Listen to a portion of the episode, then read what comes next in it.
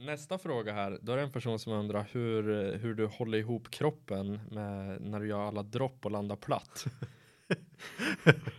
Det, det känns Ja. som att det är folk som känner dig som har ställt den Ja, här jag, tror jag, frågan. jag tror jag kan ana vem det kan vara.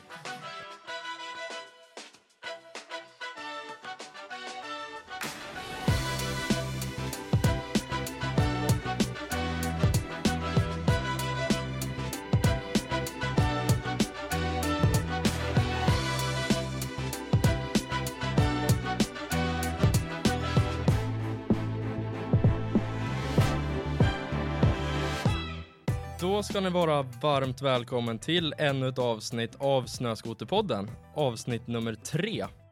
Idag sitter jag, Erik Holmgren, här med självaste Jocke Rönnqvist, långväga gäst från Vilhelmina.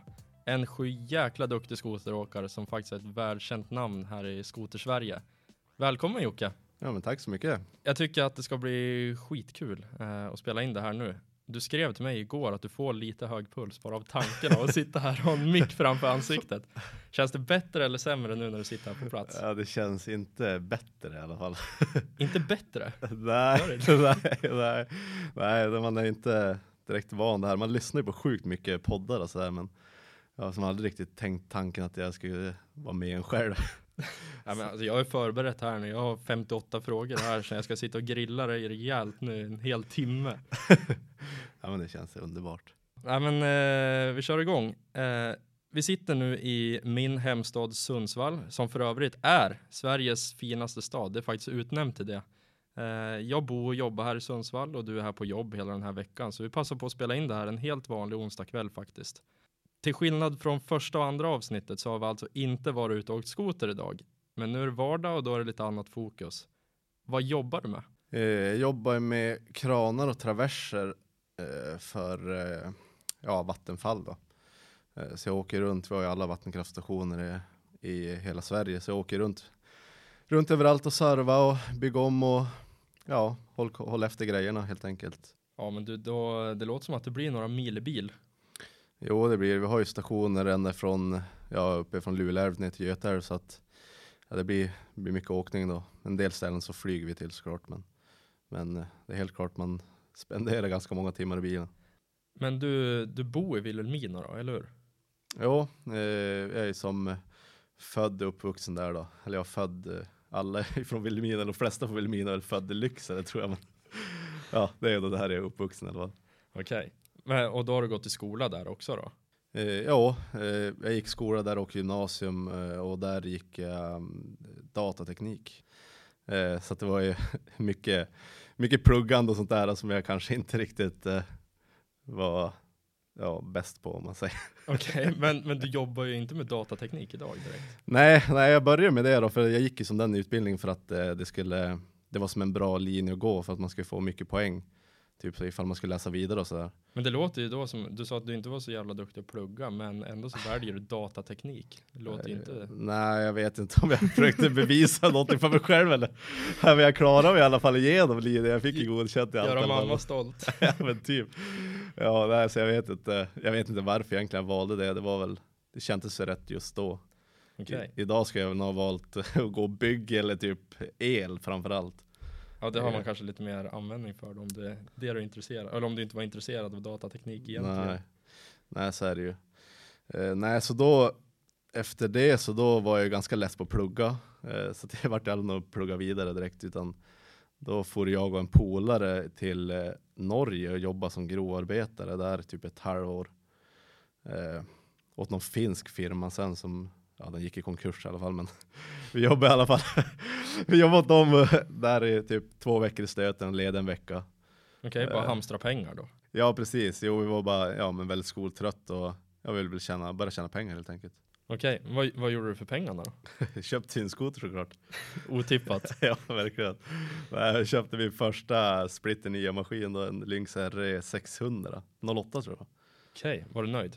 Ja men sjukt. Eller jag körde typ 400 mil led. Fy Alltså. Det var riktigt skoj. Men eh, var, var det första skoten du köpte då eller?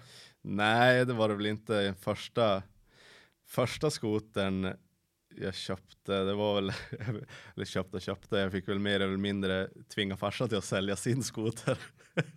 så att, så att eh, ja, jag kunde köpa, då hade vi på den tiden så planterade man ju typ, nej, jag vet inte, jag har säkert ungdomar idag, men vi planterade ju ja, varenda sommar, typ varenda sommarlov. Gick på hyggen och satte plant bara? Ja, egentligen bara för att tjäna pengar. Vi, jag tror jag planterade i, ja, från när jag var 15 eller 14, 15 tills, ja, ända tills jag började jobba i Norge typ. Så jag vet inte hur många år det vart, men ja, det, det var väl egentligen bara, det var på det sättet man, för att få in lite extra pengar. Okej, okay, så då köpte du alltså någon begagnad skoter då? då? Jo, jo, man var ju så skoterintresserad så att jag tror den, den första där då, som jag lyckas lura farsan till att vi ska köpa, det var ju en, en Polaris 440. Eh, som typ skar två gånger eller någonting så här, så innan vi sålde den. Det var kanske inte det smartaste köpet. Och så sen så köpte vi någon, då köpte jag faktiskt en, en, en Lynx Enduro av en släkting som jag var sjukt nöjd över också. Det var på det viset jag köpte den där nya Lynxen sen då. Just det, du vart lite inkörd på Lynx. Ja, det var det. Man var verkligen, våran familj eller farsan och morsan har ju alltid åkt Polaris typ så att det var lite verkligen så här, ja, märkesfast eh, familj på det viset. Eh, men... Ja, men du var, du var en liten uppstickare där i familjen då alltså. Men eh, då har ju, man skulle kunna säga egentligen att den här plantsättningen och att du har att du har varit, att du är uppväxt i en skoteråkarfamilj, det har, det har lett till att idag så har du 10 000 följare på, på Instagram där du mestadels bara lägger upp skoterbilder. Och idag så är du mest känd för att vara en, en riktigt duktig lösnåkare. Men du har väl också kört en hel del freestyle? När kom du in på det här med, vad ska man säga, professionell skoteråkning? Det började ju med som sagt därefter, efter jag varit där i Norge, då, då eh, fick jag jobb och började jobba som eh, med byggkranar i Umeå. Eh, så jag började jobba där och då i samma veva med det så så ja, man försökte, jag hade inte så mycket polare där så jag försökte umgås eller hitta lite nya vänner och sådär och då via en, eh, en eh, kompis så lärde jag känna eh, Emil och Jerry som då var med i Rough Riders. Emil, vem? Emil Olofsson och Jerry Jonsson. Ja, just det. och då, ja, eller började lära känna dem. Jag var väl mest som en hangaround typ. Den jobbiga killen som bara hänger ja, med men typ, man hade, Ja men typ. Men hade ju så här, alltså, jag hade ju som inte kört något extremt innan, innan dess alltså på något vis. Man hade ju bara lekt runt som alla andra, men körde led, hoppade lite driver och sånt där och så sen Ja, det som är roligt är ju att de här grabbarna är ju från Vilhelmina i grund och botten. Eh, och där jag är uppväxt, där morsan och farsan har bott, då bodde ju Jerry Jonssons farsa då, bodde ju granne med mina föräldrar. Så de var ju som där när jag var, jag var ung och typ inte fick köra skoter så var ju de där och typ hade ju alltid de här coola skotrarna och ja men typ såna här grejer. Tandvatten rann på dig. Jo men typ. alltså, alltså man såg de, när de började hoppa ramp och så här, man hade ju aldrig som sett något sånt där förr. Visst man hade sett det på film, typ de här gamla Slednex-filmerna. Men det var ju väldigt nytt då, alltså på den tiden. Ehm, och då började ju de med det då, så att ja då vart man ju som lite, jag tyckte det var skitcoolt. Och sen då vart det väl bara rent som en slump då att jag fick träffa dem då i, i, i Umeå där. Eh, ja, så började jag hänga lite grann med dem där och då i, i samma veva där så jag lärde jag även känna ja, men Tobbe Hellström, Emil Aling, eh, en kille som heter Simon Fröling. Eh, så började vi som, ja de hoppar i ramp då. Eh, de är ju något år yngre än mig så de hade ju som börjat började hoppa lite ramp där. Eh, var ju också som säkert lite startstruck över Jerry och de här och de som var med i Rough Riders. Så, ja, de hade ju även den här sidan toyam.se tror jag. Eh, hade den ett tag. Jag lärde känna dem lite grann. De var ju mer som min ålder idag. Eh, och de höll ju på, hade ju som börjat hoppa lite ramp så då tänkte jag att ja, jag ville som också prova det där. Eh, så att eh, jag hade ju då, jag tror jag körde Lynx där, men då sen då bytte jag typ eh, och körde en sån här XRS 2011 måste jag vara det. Ja, 2011 tror jag det var. En XRS 800 som jag bytte till då.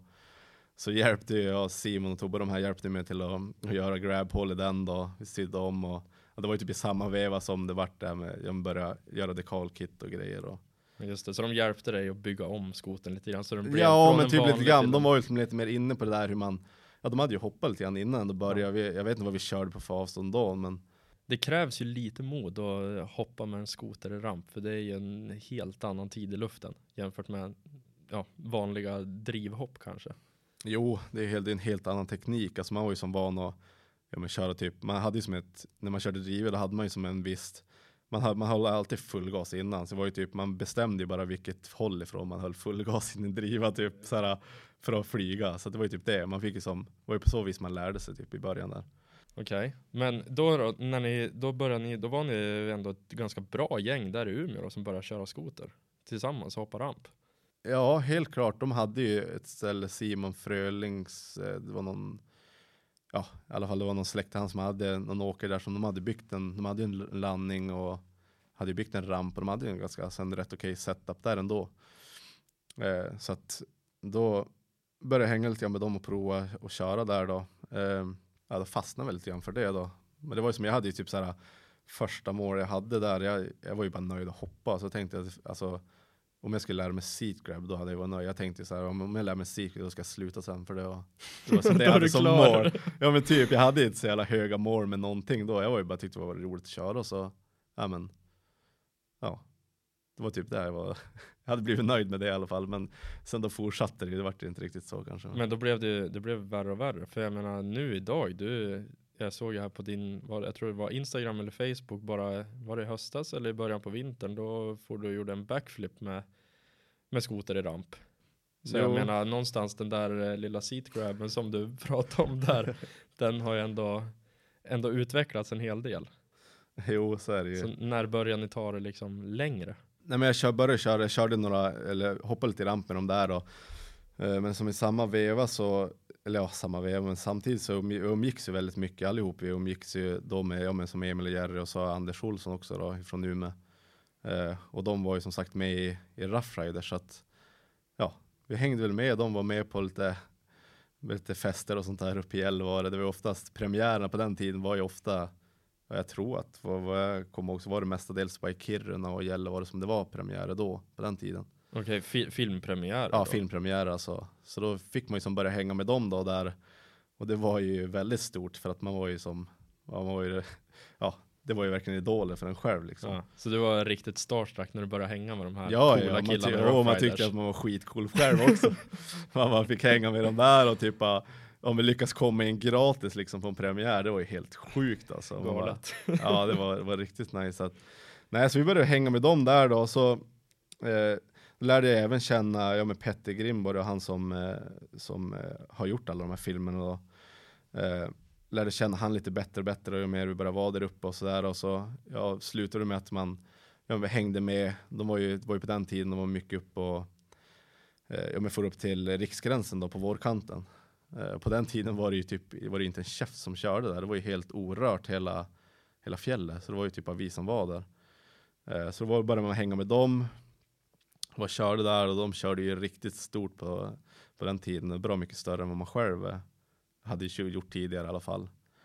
Eh, men då var du egentligen bara med som en, som en hangaround då i början? Alltså du, du hängde bara med de här personerna som du ja. känna i Umeå då egentligen? Ja, ja, jo det var ju mycket det. Man, man tyckte det var bara coolt och alltså, det var ju som sagt lite idoler för en själv så man, man tyckte det var coolt att få hänga med dem och så här, köra och så Ja, så sen då vet det jag var väl så här, de, de hoppade och kickade, man var med och hjälpte dem skotta och så här och då kände man att fan det här, jag, det, jag kan det här också. Blir typ. lite, också bli lite hoppsugen själv. Ja, jo men typ, alltså man bara, ja men jag, jag tror fan det jag kan det där också. Man hade ju som inte riktigt, de körde ju ofta racer, alltså RS och ja, med tävlingsmaskiner på den tiden.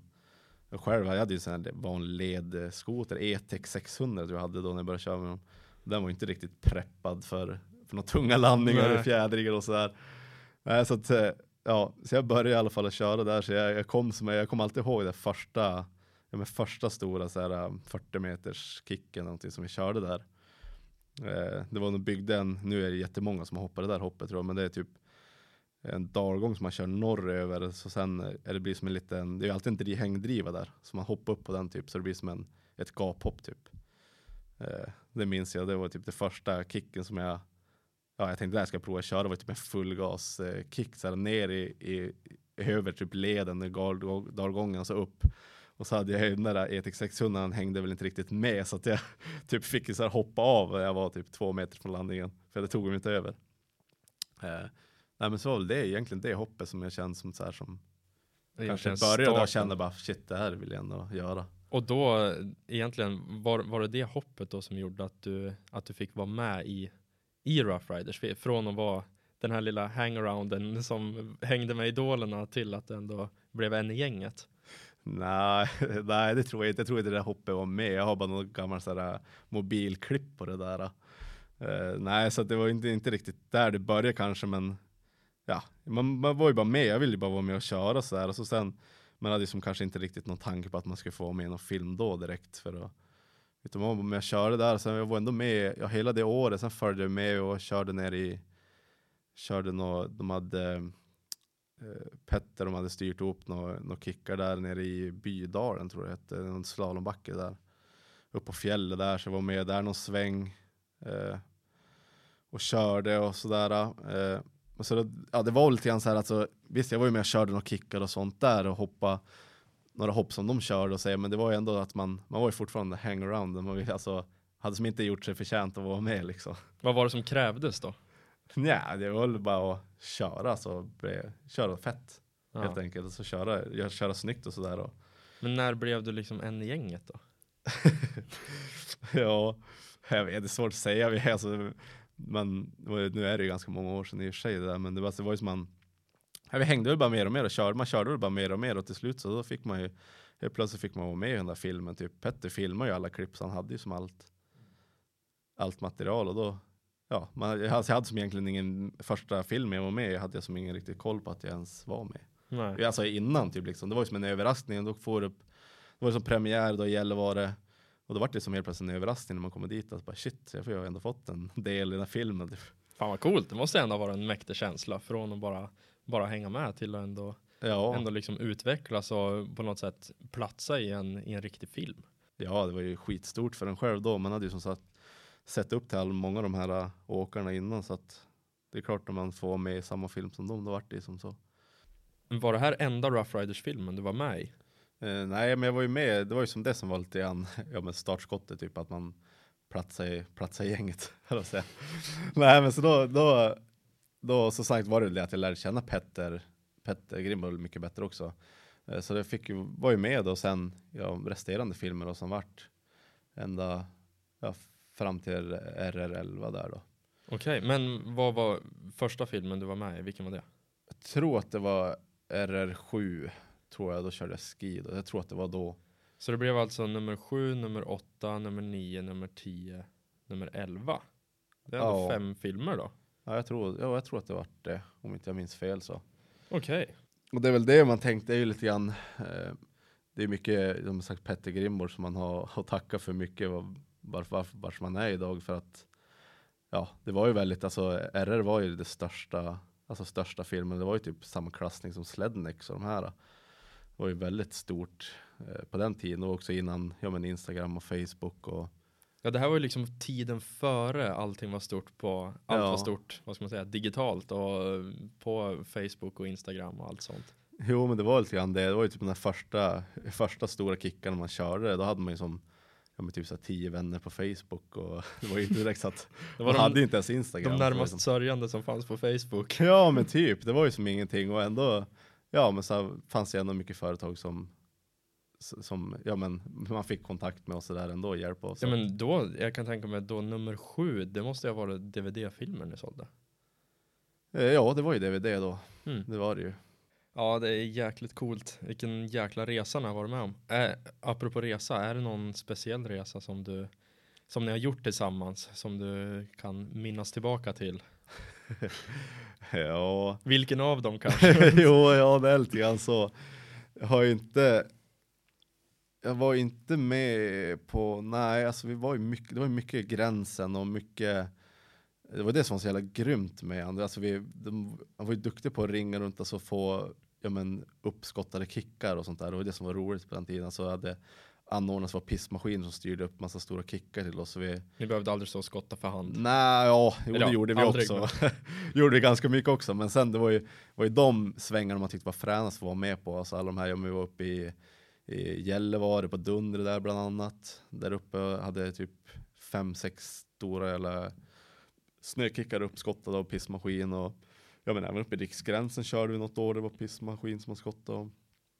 Nej, det, var, det, var, det är mycket av de tillfällen man kommer komma ihåg tror jag, få, och få köra de Ja, där riktigt släta fina Ja. ja, snowboardkickarna eller skidåkningskickarna. ja, det är så jäkla mäktigt alltså. Riktigt mäktigt. Det, det jag tycker är så jäkla fascinerande med dig, det, det är faktiskt din körstil. Jag menar, du kör ju otroligt våghalsigt, du kör ju jäkligt stort. Och till exempel nu när vi var uppe i Hemavan med Sledstore här för två, tre veckor sedan så var det liksom inget konstigt att du hoppar så här 20-30 meter i ett naturhopp. Men allting det är, det är så jäkla snyggt och kontrollerat. I alla fall som det ser ut. Känner du? ja, men alltså, det var det jag tänkte fråga. Känner du att du har kontroll eller försöker du alltid tänja gränserna? Ja, det är väl lite grann både och kan jag tänka mig. Att, eh, alltså man, ja, men helst man är uppe sådär och ett gäng, vi kör samma, samma hopp, samma driva. Man vill alltid vara den som hoppar längst. Ja, Det är- så- man så äggar varann. Ja, men så tror jag alla känner så här. Men sen är vi som, i alla fall vi som hoppar där har ju ändå, alla har ju hoppat ganska mycket och så här har ju pejl på läget så att det är klart man pressar ju gränserna men man vet ju att man klarar av det samtidigt. Man har ju ändå, man har, alltså man har ju kört fruktansvärt mycket sånt där. Alltså helst det där, det där var ett naturhopp som vi körde där och det är ju man, sånt har man ju kört hur mycket som helst. Det körde man ju långt innan RR-tiden. Det var ju Mm. bara drivhopp och man skottade ju aldrig en kick på den tiden. Nej. Men eh, bara... är, du aldrig rädd att krascha? Eh, nej, nej alltså jag tror alltså, nej, inte, inte rädd sådär men det är klart att man tänker alltid på konsekvenserna. Man försöker ju ha någon sorts tänk att, ja, att det kan gå fel och vad, vad man ska göra för att. Gör man verkligen det när man hoppar 30 meter långt? Tänker man på konsekvenserna? ja, jo men det tycker jag väl ändå att man, att man gör ändå. Men det är säkert mycket folk tänker väl att, att man inte gör det, men det gör vi. Alltså, jag tycker alla som vi kör med, de, de har ändå sorts säkerhetstänk. Annars så skulle man ju som sagt inte bli långvarig i den här branschen. Det går inte att hålla på så i flera år om man inte tänker sig för ändå lite grann innan man gör någonting. Man måste vara mentalt förberedd på vad man ska göra i alla fall innan man gör det. Vad använder du för utrustning när du kör? Jag har eh, knäskydd, jag har med riktiga dojor, knäskydd, ryggskydd och njurbälte. Eh, så jag kör även med bröstplatta nu. Eh, och hjälm såklart. Ja. Det, då åker du liksom full, full crossmundering egentligen. Jo, jo, jo, det är det. som man, man vet ju från början hade man ingenting. Då körde man några gamla Ja, det vet inte vad det var som det kan räknas som knäskydd. Det var typ som två strumpor man hade på knäna. det gjorde man ju då, men man eh, har ju tyvärr, eller vad man ska säga, har man ju varit med när kompisar och så här och vridit sönder knäna och gjort illa sig på det sättet som man det var, var ganska enkelt val att köpa riktiga grejer då. Mm. Eh, det räcker med att se en kompis ha sådär ont för att förstå att det är, nog, Ja, det är bättre, det är värt det. bättre att skydda sig innan man går sönder kanske. Ja, eh, helt klart. Vad åker du för skotrar idag? Eh, jag kör en Polaris Pro RMK 850 och så har jag en eh, IQR eh, 600 2018 som jag hoppar ramp med. Då. Men hoppen och eh, körsättet du har, eh, det ställer ju lite krav på grejerna. Har du gjort om, har du gjort om mycket från original på de här? Eh, ja, eller nej, egentligen, alltså mycket är ju Ja, alltså lite grann har man gjort om såklart. Man har ju, jag har ju sagt eh, ja, Ice skenor då, som är lite förstärkt och det, för det är, på långa maskinerna är ju är det ju en vekpunkt liksom. Det är ju på alla märken Mm. har ju är det lätt att vika skenorna så det kan ju vara värt och sen har de som sagt ja, ändra lite jag har andra dämpare. Eh, jag har Fox Float fram på skoten i alla fall. I boggen så har jag faktiskt i år valt att bara köra original för jag tycker de funkar rätt okej. Det trodde jag faktiskt inte. Att det skulle Nej. gå att åka original när du eh, gör sådana grejer som du gör. Nej, det, jag, jag tycker det funkar skitbra. Det är väl bara det att, att eh, det kan ju behövas att man får serva dem lite grann sådär. För så är det väl med alla grejer då. Man, man tänker att de ska hålla all evighet men egentligen ska man ju försöka serva dem så fort det går med sin dämpare framför allt. Du kanske ska köra men alltså ja men säg 20 mil beroende på hur du kör men egentligen det är absolut det är första servicen på dämparna som är viktigast. Just det. Egentligen. För att få dem att hålla. Ja, med byta olja typ och då, då, då funkar det mesta. Alltså för vanliga, vanliga Svensson funkar grej, originalgrejerna väldigt bra. Vad, vad är enligt dig ett, eh, ett måste? Prio ett i alla fall som jag ska byta på en skoter, det är styrningen.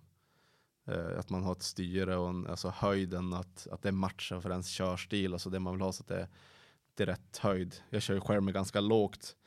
Eh, framförallt för att, ja, jag, jag vill ha, jag vill, man får som bättre kontroll om man har, har lägre styre tycker jag, så har det närmare, närmare maskin. Ja, det, det blir lite, lite mer crosskänsla. Ja, jo, men precis. Jo, jag kör ju cross på sommaren så då, då tycker jag det är ganska bra att ha det. Jag, har även, alltså jag kör ändå, även väldigt lågt på, ja, men på IQn som jag hoppar ramp med också. Börja, tidigare så börjar man ju typ så här A-pengarstyre. Typ ja, så här. ja shopper. det känns ju som standard egentligen när man Jo. åker freestyle. Jo, man gjorde ju det först. Det körde man ju på alla maskiner. hade man ju så högt det bara gick. Men nu är det som lite anna- annorlunda tänk nu, nu för Ja. tiden. Ja, Eh, det, jag vet inte, skoteråkning, det känns som att det har gått från att vara en, en hobby till att bli mer och mer en sport. Idag så, man, ja men som du säger, man, man åker ju som mer, det är mer som en krosskänsla än typ A-pengarstyre.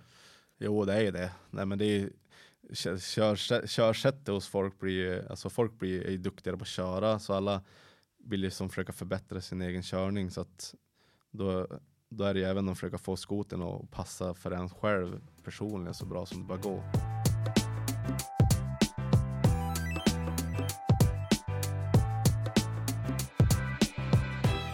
Vi kan ju konstatera att du är en, eh, att du är ruskigt duktig skoteråkare och det är nog många där ute nu som vill ha lite proffshjälp för att bli bättre. Så jag tänker att vi ska ta tillfället i akt när du ändå är här att eh, du får dela med dig av lite körtips till en nybörjare, en medelduktig och en eh, riktigt vass skoteråkare. Om vi börjar med lite tips till en riktig nybörjare på lösnö. Vad ska man tänka på när man är ute och burkar och åker på en skida och sådär? Det man ska tänka på först är väl kanske att bara försöka köra, få, få mycket timmar på, på skotern. Eh, för det, det känns som i överlag så är det väldigt lätt att folk som är ny som aldrig riktigt har kört, de, de ska som ha direkt ha proffshjälp eller typ far, ringa och fråga folk eller typ läsa på hur man ska göra för att kunna köra. Men i början så kanske man bara ska köra skoter och lära känna grejerna och se hur det fungerar och bromsa och Viktigt att se vad som händer. Ja, bara. men typ att prova, prova lära sig gas och broms.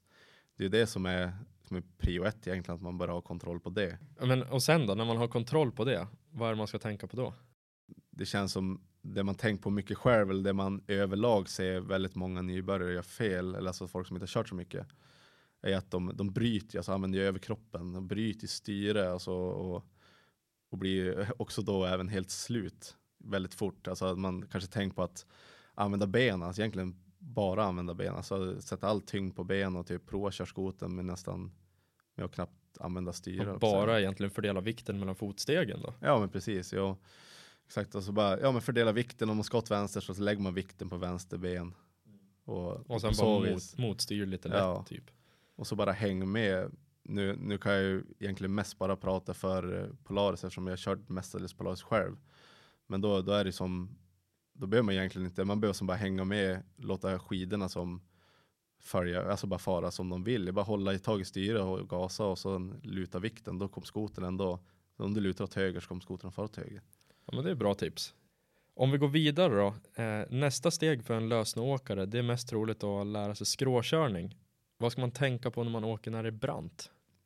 Alltså det, jag det jag tänkte på det man, när man själv lärde sig köra mycket, det var ju alltså, man får ju cirkulera med som en gamskoter i skogen bara och bara leta sig fram hela tiden. Och då, då lärde man sig ju även mycket bara titta, och, eftersom man hade ju inte back på den tiden, i alla fall inte på de gamskotrarna jag fick köra. Eh, så då lärde man sig att hålla upp blicken och kolla vad som är framför. Alltså, så att man håller upp blicken, kanske kolla inte två meter framför skotern utan kanske 10-15 meter. Det där är jag jätteproblem med. Rätt vad det är, då ser jag bara, när jag är ute och kör, då ser jag bara shit, nu har jag kört fast, nu har jag liksom två träd framför mig, sen bara står man där. Så det där är ju ett skitbra tips, bara att lyfta blicken lite grann. Jo, och det är väldigt svårt. Det får man ju, får jag ju tänka på själv nästan varje år. Så när jag börjar köra, alltså typ första svängarna på året, då, då kommer man på sig själv att man är på väg och bara titta rakt in i träden som är framför en istället för att... Så det, det, det är något man får träna på hela tiden. Men, men eh, det är ju verkligen någonting, om man sagt man behöver ju inte än hur mycket, man behöver som inte vara körd är jättebrant heller för att träna på det. Man kan köra överallt. Det är, all skogsåkning är bra. Så egentligen tips, ge sig, ge sig ut i skogen och försöka hitta en Ja. väg. Mycket Jo, men bara typ. blick. Ja, för det, det är som jag, ja men i fjol framförallt så tränade jag mycket på det när jag körde att, ja men just det helt en, en dag bara fokusera helt på att kolla långt fram och köra fort alltså. Köra fort i skogen och bara titta långt fram för att ja, men för att komma in i det där att, ja, att man ser vägar långt innan. För då spelar det, har, liksom, har man blicken med sig, då spelar det egentligen inte så jättestor roll om det, om det lutar lite grann eller sådär. Då är det egentligen bara, som du var inne på i första steget, då, fördela vikt, inte jobba jättemycket med armar och sen hela tiden ha en, ha en möjlig utväg. Jo, men precis. Och sen en grej som jag, som jag gett ändå sagt till många är att eh, ja, men när man kommer och kör i skogen så här och det börjar bli lite brantare, det kan ju vara från början kan man ty tycka det är lite läskigt att det ja, men lutar mycket och man är rädd att tappa skoten och grejer. Eh, så då brukar jag ge som tips att man om man kommer och kör så hittar en glänta, då, då ser man, då försöker man leta sig en, en punkt någonstans i skogen där det är, ja, men där är en liten platå eller där det ser som plant ut där man kan stanna. Så sen siktar man, kör dit, stannar där och sen letar man typ ett, ett nytt ställe, alltså en ny punkt framför sig, en ny liten platå så siktar man dit så man successivt tar sig fram. Alltså man hittar något ställe där man kan stanna lättsamt med skotern. Mm. Så man aldrig liksom stannar i en typ av uppförsbacke. Det är som så lätt om man tänker att man nu ska köra i branten här och så sen då, då kör man så helt plötsligt tittar man så tappar man spår och så sen ja, får, hittar man en utväg och så sen kör man fast. Då är det lättare kanske i början för då successivt så kom det ju när du kom fram till den där platån då kom det att se ett nytt ställe direkt så det kommer som successivt att lära, alltså ja, ju mer du kör desto mer, då kommer du snabbare att se det där, äh, hitta linjen och inte behöva stanna till slut. Om vi går vidare till den sista kategorin då, det vill säga de som är, de som är rätt vass på att köra. Och något man ser på Instagram, Youtube och lite överallt är ju de här jäkla rullevändningarna. Det ser ju så jäkla ballt ut. Eh, det är alltså när man kommer in på skrå, gasa till lite grann, eller ja, nu, det här är ju min uppfattning då, gasa till lite grann, ställer skoten rakt upp på rullen och sen så byter man åkriktning helt och hållet. Vad ska man tänka på då? Ja, eh, hur ska, vad ska man tänka på då? Jag kan ju försöka och säga vad, vad jag försökt tänka mig själv, alltså vad jag försökt tänka på själv. Man kommer in och så ger man på gas när man viker upp och så precis när skoten är som i, i om man säger nästan rakt uppåt läge, ska man hoppa över och försöka få alltså höften, alltså om man tänker på att man ska försöka få höften in mot, in mot eh, om man säger att man kommer från vänster ska, ska upp och så sen vika runt åt vänster. Att man kan försöka hoppa in med högra höften in mot Just det, så man liksom slänger över vikten ja, typ. rakt in i branten egentligen. Ja, men typ att man tänker att man ska försöka få över eh, högra höften, alltså in mot eh, in mot eh, branten. Just det, så egentligen första steget bara, man åker på skrå, man gör en 90 graders vändning så att skotern står rakt upp egentligen, trycker på med gasen och sen då börjar man tänka, okej, okay, flytta över höften till andra sidan och då kommer skotern egentligen komma runt. Ja, alltså så länge du får in den där, för du, du kan ju som aldrig, det enda som händer om man hoppar som för långt över, alltså är att skoten kommer ju att du kommer att tippa in mot, alltså mot eh, branten. Om man det blir som en fluga på en eh, ja, flugsmälla. Du kommer ju som aldrig, det är sämre om man kör runt och inte gör så, för då det enda som kommer hända då är att du blir som en 180 vändning, eller ja, det blir som att du kommer bara vända och köra fara rakt neråt istället. Eh, så det är, det är bättre att försöka, sen om man bara får fast skoten så att den stannar där så kan du ändå alltid som gasa på kliva vidare efter det. Så det är i första läget kanske det är bara lättare att ja, men få in det där med att man skickar över vikten så att man får skoten att, att stanna kvar och sen kan man köra vidare. Att man inte tänker att man ska ha en perfekt eh, vändning det första man gör. Det är väldigt svårt att sitta och försöka förklara någonting. Ja, det, är, det är jättesvårt, men eh, ändå, jag, jag har nog aldrig tänkt på just det där med att flytta över vikten. Jag kan inte göra sådana här vändningar själv, men eh, det, ja, jag, jag, ska, jag, har inte, jag har inte tänkt alls på att ens prova med vikten. Jag blir lite så här att man bara följer med skoten lite grann. Jo. Och kastas runt. Skotkörning för det mesta är ju det att man måste försöka tänka och det får man ju som sagt tänka på mycket själv hela tiden. Att man ja, använder vikten till, till sin fördel. Om man ska upp eller ner eller om man ska åt sidorna. Det är ju som det man får använda. Fasen var roligt. Det är, det är jättemånga riktigt bra tips. Uh, nu har i alla fall jag någonting att tänka på. Förhoppningsvis alla lyssnare också.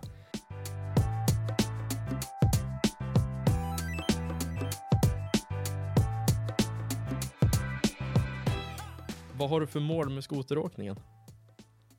Ja, jag hade ju som mål i år och eller så det har väl i år, jag har haft det som mål ända sedan jag började köra freestyle och flippa. Eh, jag har ramp till landning och det är väl det som jag har haft som högsta mål inom skoteråkningen sedan jag ja, men började. Jag som alltid tänkte det där är någonting som jag vill göra typ innan jag lägger av typ. Eller. Så jag vet inte, jag vart ju som, när jag gjorde det där då var helt, en helt sjuk upplevelse för mig i alla fall. Och när jag gjorde det så det vart det som så här, ja men typ så här dagen efter, bara, ja men nu då? Liksom. Ja, nu då? Ska jag lägga av? Jo men typ, jag så här, bara, det var ju som det jag hade satt, det var ju som nästan som ett mål, så jag tänkte att jag var ju som på väg att sluta i fjol. Eh, så jag tänkte som att... Ja, Med ramp alltså? Ja, så hoppa freestyle alltså. Ja. ja.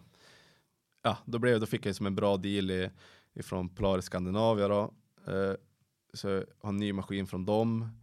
Och då vart jag som, eh, ja, då vart jag som peppad igen att fortsätta. Och då, då tänkte jag om jag väl ska köra freestyle då måste jag ju flippa för det, det, är, som, det är bara det jag har kvar liksom. Ja, då bestämde jag mig för det. Så jag var när jag tränade hos Daniel Bodin. Körde lite fompit där då. Körde någon dag sen tills jag kände att jag var som lite ja, nöjd med det. Eller att jag kände att ja, men jag, det spelar ingen roll om jag kör fem dagar till. Jag kommer som inte vara mer förberedd för den då. Så då bestämde jag mig för att ja, prova det till landning då. Så och det, det klarar du? Ja. Ja, kort och koncist. Ja, det klarar jag. Ingen Nej, så att det kändes ju, det var, vart ju som när man klarade det då, typ högsta mål man haft. Va? Fasen måste vara galen känsla. Jo, och sätta det, det till landning. Alltså det måste vara helt sjukt. Jo, det är ju, alltså det är ju alltså väldigt mentalt jobbigt trick alltså. Ja, den här mentala biten alltså, det är ju det är bara det. Ja. Eller för det mesta. Jo men precis, jo men så sen då när man väl står där och ska som gör det då, det är då det verkligen är viktigt att man har tänkt på det som, att man verkligen har tänkt igenom alltså i huvudet, att man är väl förberedd. Mm. För då börjar man ju direkt tveka, bara, kan jag det här? Tror jag verkligen klarar av det här? Typ, så man får ju väldigt mycket konstiga tankar. Mm. Men vad är nästa steg nu då? Då är nästa steg alltså, ja då är klara flippen till landning. Är tanken att du ska ta upp den här rampkarriären igen? ja, eh, nej men tanken är, det är samma tanke som jag alltid haft. Jag tänkte jag ska köra så länge jag tyckte det är roligt. Eh, och det är alltid roligt att utvecklas såklart. Så att, nej, planen är att jag ska fortsätta köra och förhoppningsvis köra några shower och sådär. Och, eh, ja, men jag vet inte. Jag har inte, liksom inte någon plan på att jag tänkte sluta eller någonting. Jag kör väl så länge jag tyckte det är roligt. Då har jag anordnat en hel del eh, event och eh, riding clinics. Eh, är det här någonting du kommer fortsätta med? Jo, men det, det är helt klart någonting som eh, vi kommer fortsätta med. Jag har hållit ett eh, par event med Emil Aling eh, som har varit väldigt lyckat. Det, det, är bara roligt och det är roligt att träffa nytt folk och det är som det vi har haft, i alla fall de event som jag varit med Emil har ju varit lite grann så här att ja, men bara träffa nytt folk, hänga, ha kul lag, käka god mat, typ köra lite grann och ja, de har möjlighet att fråga lite tips och tricks och bara ja, men oftast har det bara varit egentligen bara ja, hänga i lag, typ ha kul. Det är precis det skoteråkningen handlar om. Ja, men exakt. Så att, eh, nej, men det kommer de säkert fortsätta med framöver här. Kul! Jag la ut här strax innan vår intervju nu på Snöskoterpoddens Instagram eh, där folk fick ställa, fick ställa frågor till dig. Och då är första frågan, det är så att du ska bli pappa i, i, i juni. Då är det en som har frågat här om du verkligen är redo att bli pappa. Vad svarar du på det? ja, jag vet inte, blir man någonsin redo för att bli förälder eller vad säger jag? Nej, men det känns ju jätteroligt såklart. Eh, det känns ju eh, helt sjukt på något vis. Men, men eh, nej, jag vet inte, man kommer aldrig känna sig, jag kommer aldrig känna mig inte, jag har ingen aning vad som händer nu. Det känns som man kommer aldrig känna sig riktigt redo förrän det, ja, förrän det är dags liksom. Nej, det, det är fan bara att skjuta från höften. bara hoppas att det går bra. Nästa fråga. Vad blir det för märke på miniskotern? Skido eller Polaris? Så jag antar då att eh, den här personen menar eh, eftersom att du ska bli pappa. ja, det blir ju en Polaris såklart. Ja, Finns du... det något annat eller? Exakt. Eh, en person här som undrar hur blir man ambassadör? Då antar jag att det är Polaris ambassadör då? Eh, ja, eh, hur blir man det? Ja, man, allt handlar om att bara köra, alltså köra skoter det är som man sagt tidigare, alltså det är köra väldigt mycket och så sen idag, ja jag vet inte, idag handlar det så mycket mer om än att bara köra skoter. i allt med sociala medier har ju fått som en helt annan vändning på det hela så att det är klart mycket innebär ju där också att man ska vara aktiv och allt möjligt.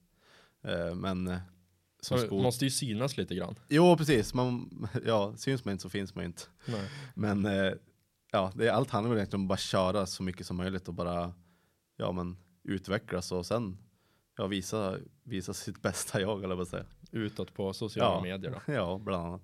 En person här undrar eh, vem eller vilka motiverar dig som mest? Vilka åkare ser du upp till? Eh, det de jag faktiskt ser upp till är alla, alltså alla yngre förmågor som börjar synas mer och mer som kör riktigt stort. Alltså de, ja, på alla nivåer. Alltså det, det syns att det är, man har ändå varit med i ett par år och börjar bli tåren också. Så det är roligt att se lite yngre som börjar med alla sporter. Och man hoppas att det är lite fler som vill börja med just freestyle. Och, eh, ja, nej, men det är väl de som motiverar mig och ja, jag ser upp till att ja, Köra De- lite större. Ja, men alltså de är ju, många kör ju riktigt bra. Det är jävligt kul att se. Ja. En annan person undrar hur du får ihop vardagslivet i kombination med skoterkörningen. Ja, nej, det kan ju vara lite tufft ibland. Som sagt, jag jobbar ju borta på veckorna. Eh, men jag jobbar ju oftast, jag har ju turen att jag kan jobba in eh, fredagar. Eh, så att jag får i alla fall lite längre helg. Eh, men på vintrarna, vinterhalvåret är det ju såklart tufft. Eh, de är borta på veckorna och sen är det, kan det vara, ja men som det har varit nu i alla fall, ja men februari, mars brukar ju kunna vara ganska fullt med event och träffar och allt möjligt. Eh, så att eh, det är klart det är svårt att, att få ihop. Som tur var så har ju världens bästa flickvän som, som även hon är intresserad av skotrar. Eh, Angelica Grönlund då. Eh, och, så att hon är ju som är väldigt förstående om man säger. Alltså, hon vet ju om hur roligt det är och jag stöttar mig som sagt det jag håller på med. Så att Hon är väl med, ni kör väl rätt mycket Ja. tillsammans också? ja, vi kör ju väldigt mycket i lag. Så att det är ju det som också är en stor fördel såklart. Att, att eh, ja, men, eh, ja, så fort vi far iväg någonstans så är vi i lag och kör. Så att det är väl på det viset egentligen. Det är svårt annars kanske att få det att fungera om, om vi inte hade haft samma intressen. Ja men det, är- det är nog jäkligt svårt att få det att funka om man, om man inte delar intresset. Men ni, ni har väl till och med ni har väl en stuga också? Ja, precis. Eh, vi har stuga just utanför Saxnäs, så att där uppe är vi ju väldigt mycket då. Eh, på vintern och eh, som sagt, det är lite olika då hur vintersäsongen är, men i år har man varit lite halvdålig där, men som i fjol så var han ju helt magisk, så då var vi där nästan varenda helg. Eh, så det blir såklart, var ju rätt nära dit så att eh, Så då är det lättare att kombinera då, liksom vardagslivet med skoterkörningen, men ändå dela intresse, ha stuga i fjällen, allting. Det, ja. det går som hand i hand egentligen för er. Nästa fråga här, då är det en person som undrar hur, hur du håller ihop kroppen med, när du gör alla dropp och landar platt. Det, det känns Ja. som att det är folk som känner dig som har ställt ja, jag, tror jag, jag tror jag kan ana vem det kan vara. Eh, men eh, eh, ja, det är bara att träna lårmusklerna, vadmusklerna så mycket det bara går. Vet du, så man, Man är redo att ja, landa var, jag var redo. Jag var redo att landa. Ja, det, vad ska man svara på det liksom? Bra utrustning. Ja, bra utrustning och sen kan man prova att inte landa platt. Ja, jag tror det får sätta punkt. Ja. Ja. Du, fan vad kul det varit att spela in där. Hur tycker du att det har känts? Ja, det har ju faktiskt eh, gått. Det var lite jobbigt i början, men nu efter att har suttit och snackat ett tag så har det ju faktiskt gått. Eh, det känns har gått bra i alla fall hoppas jag. Jag tycker det har gått skitbra. Jag, jag tror att det har blivit ett riktigt bra avsnitt och nu har vi fått med mycket tekniksnack också. Det, har vi, det tror jag är jäkligt värdefullt och det tror jag folk där ute uppskattar. Jag hoppas det i alla fall. Om man skulle vilja komma i kontakt med dig, hur gör man då? Eh, då kan man ju eh, kontakta mig Har egentligen. du, har du någon fax? Ja, jo precis. Vänta, faxnummer. Nej, men eh, lättast är väl egentligen att skicka ett meddelande typ på Facebook eller Instagram. Vad heter du på Instagram då? Eh, Jocke Rundqvist. Just att, det. eh, det är bara att slänga iväg mig om ni vill med något. Skulle du vilja säga någonting som jag inte har frågat om? Eh, får jag säga nej eller? det känns som att jag har gått igenom hela, hela mitt liv. Jag, jag vet inte, jag har säkert sagt allt som jag inte borde säga. Jocke Rönnqvist, eh, stort tack för att du ville vara med. Ja, men tack så mycket, det var väldigt roligt eh, att vara här.